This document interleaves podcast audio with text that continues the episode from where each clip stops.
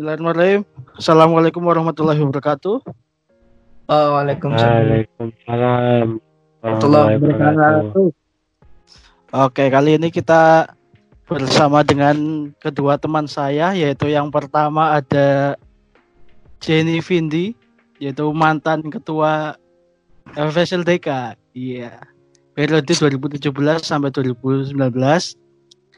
Dan yang kedua ada Wahyu Aji. Dia sekarang eh, ketua LDK di Akprin.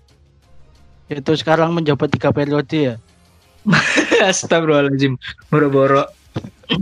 Terus juga sekarang di Komisi A FSLDK Jogja tahun Masya 2019 sampai 2000 berapa? 21 ya.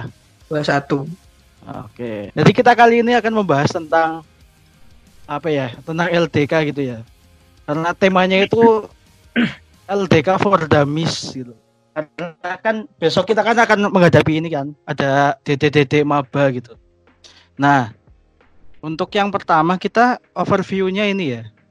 Eh, jadi kita kan eh, kita bertiga kan eh, ini eh, lumayan berpengalaman di yang namanya LDK gitu ya.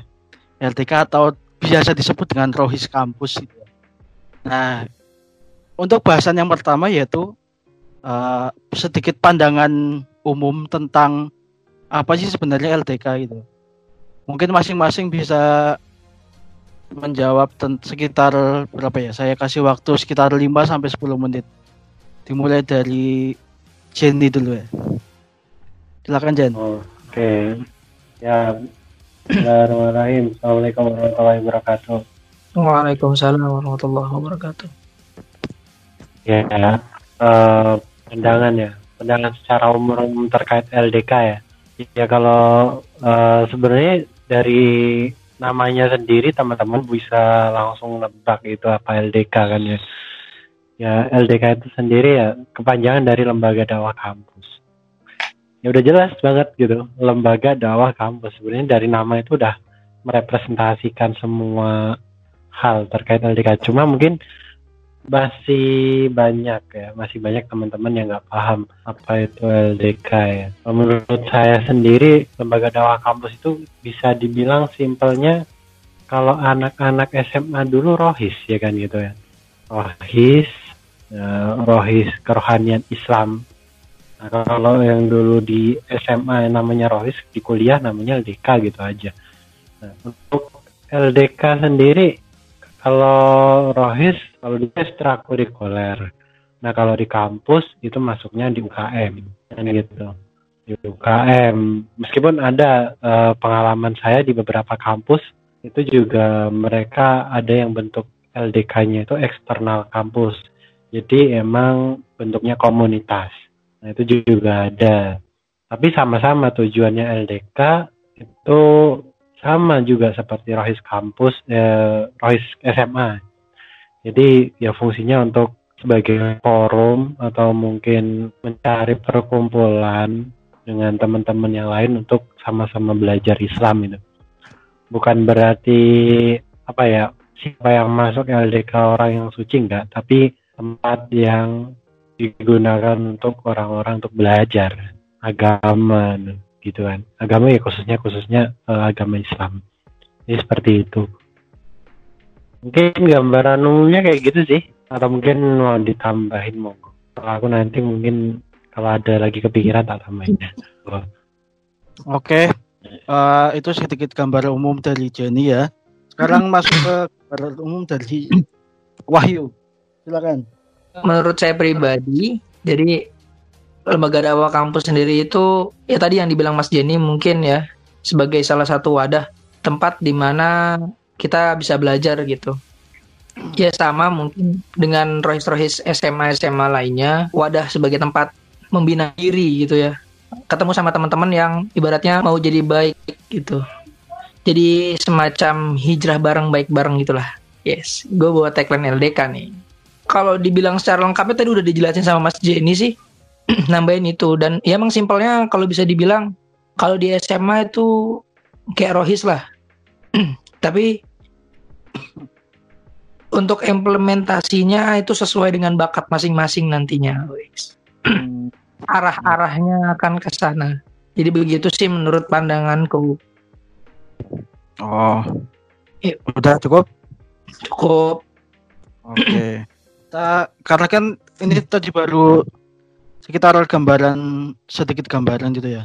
Nah, sebenarnya itu LDK tujuannya buat apa sih kalau ada di kampus gitu? Mungkin bisa dijawab dari siapa dulu nih? Bang Jenny dong yang lebih pengalaman dong. Ah. Gimana gimana gimana?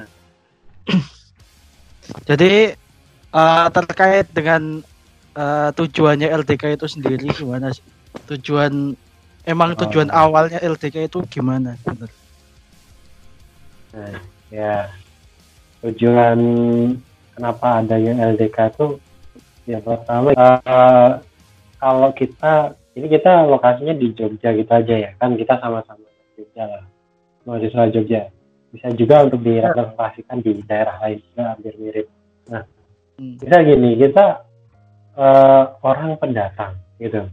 Kita semua sama-sama pendatang orang baru. Nah di lingkungan yang baru. Nah kalau kita bisa bilang ya kalian berdua tahu sendiri lah Jogja itu gimana kehidupannya kan gitu.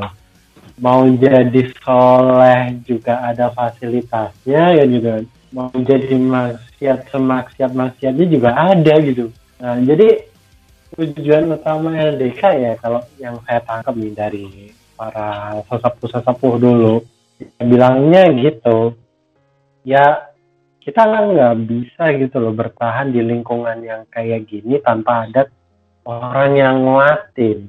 Atau mungkin teman-teman yang sama-sama nguatin untuk bertahan di hal-hal yang ya yang bisa dibilang baik gitu kan. Nah fungsi utamanya LDK sebenarnya ya gitu.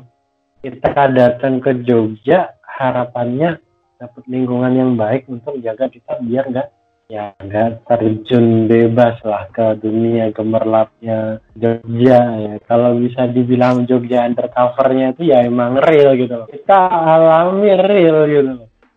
Mau masuk diskotik juga bisa gitu loh kan gitu. Gampang nggak ada orang tua yang larang kan gitu. Nah, adanya LDK itu tujuannya ya setidaknya eh, orang-orang atau teman-teman yang yang notabene-nya jujur kalau aku dulu dari anak kampung gitu ya ke kota gede kaget lah. Bebas ini ternyata aku bisa milih apa pun ya. Tapi ya kalau kita udah komit untuk ya biar nggak neko-neko lah nggak punya LDK aja gitu. Akhirnya aktivitas kita lebih ke hal-hal yang positif.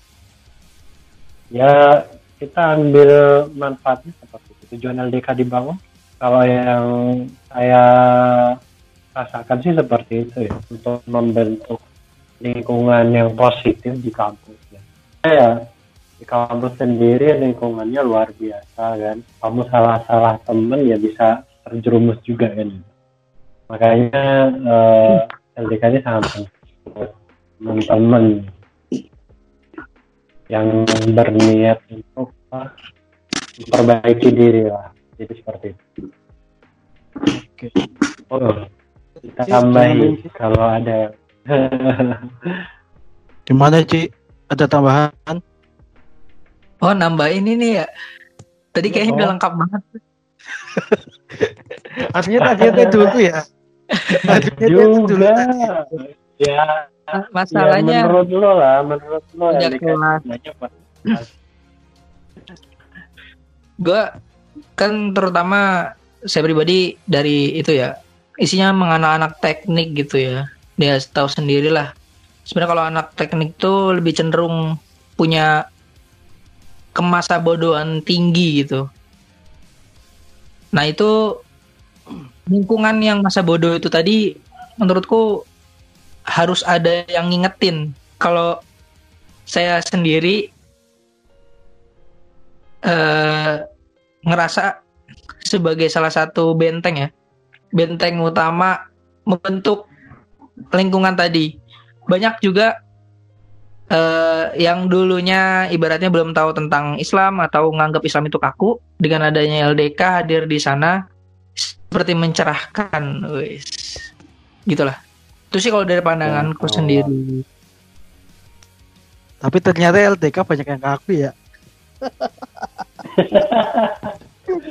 pandang sedikit Ya, Kaku banget kan di kering.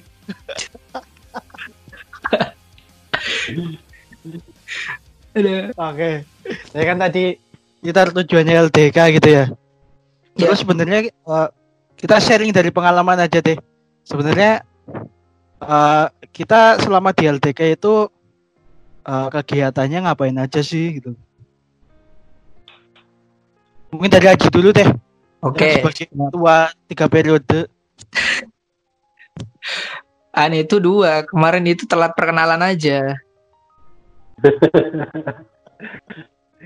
jadi kalau Bagi- tanya kegiatan LPK itu banyak ya gitu ya. Kalau mungkin orang-orang yang lain belum pernah kenal tentang LDK atau Rohis, mungkin nganggapnya kayak pesantren kecil lah.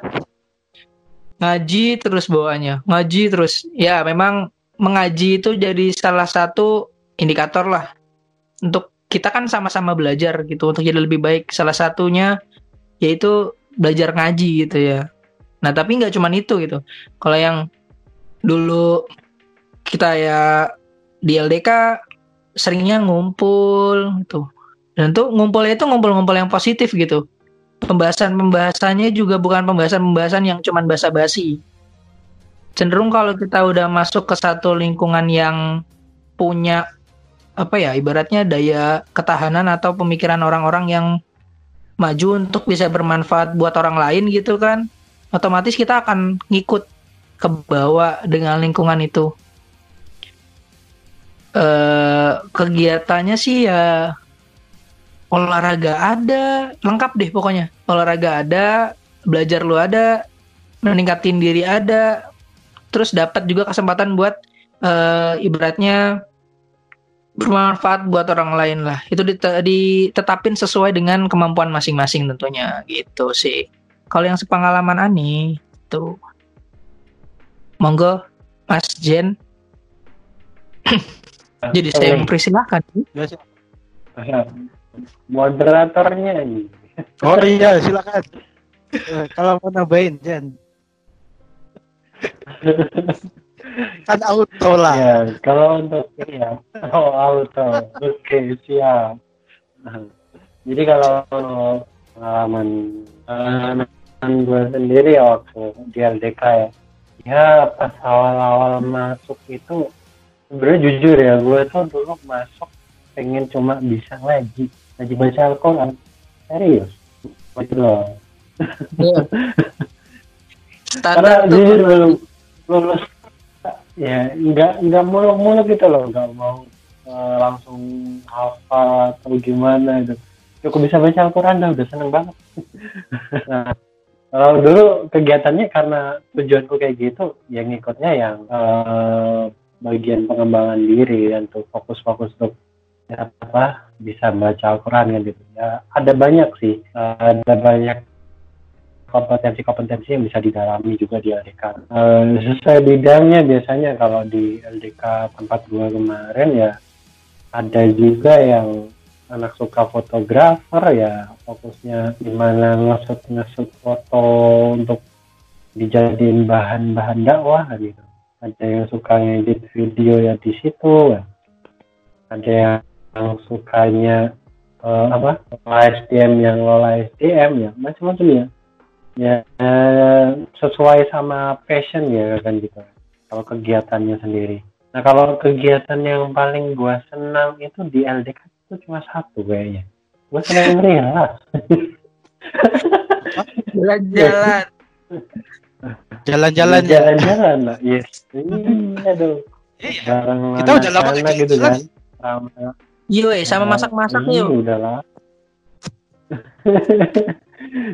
nah itu rihla itu kan ya. Ya, rihla Ah. kalau itu, Kalau itu jadi sebutan namanya keren rihla ya? LDK rihla. Eh, rihla tuh bahasa keren. Kalau gue ya main-main gitu aja lah. Intinya main-main ya. Mau ke mana ya ke pantai kayak ke gunung atau eh, outbound ya kan gitu tuh ya itu yang seneng sama sama kawan-kawan gitu. Sama paling kalau ini apa yang kegiatan yang lain selain wah pasti ini. Nah, pelatihan kader tuh suka banget gua. Iya, iya. ngerjain ngerjain mereka. Lo kan gua selalu ditempatin di kuburan kan. Ya tugas kalau malam pas jurit malam tuh bagian nakutin nah itu yang gue seneng itu wah itu tiga tahun penduduk kuburan gua Jadi kuncen kuburan ya. itu asik banget tuh serius ini dan anak yang sampai ketakutan ya karena cuma takut itu doang ya. nah itu masuk di bab anu ya tuh akidah tuh kan keren tuh Mm-mm. Kayaknya cuma iseng-iseng kan ngeprank gitu kalau kita lihat sekarang itu ngeprank.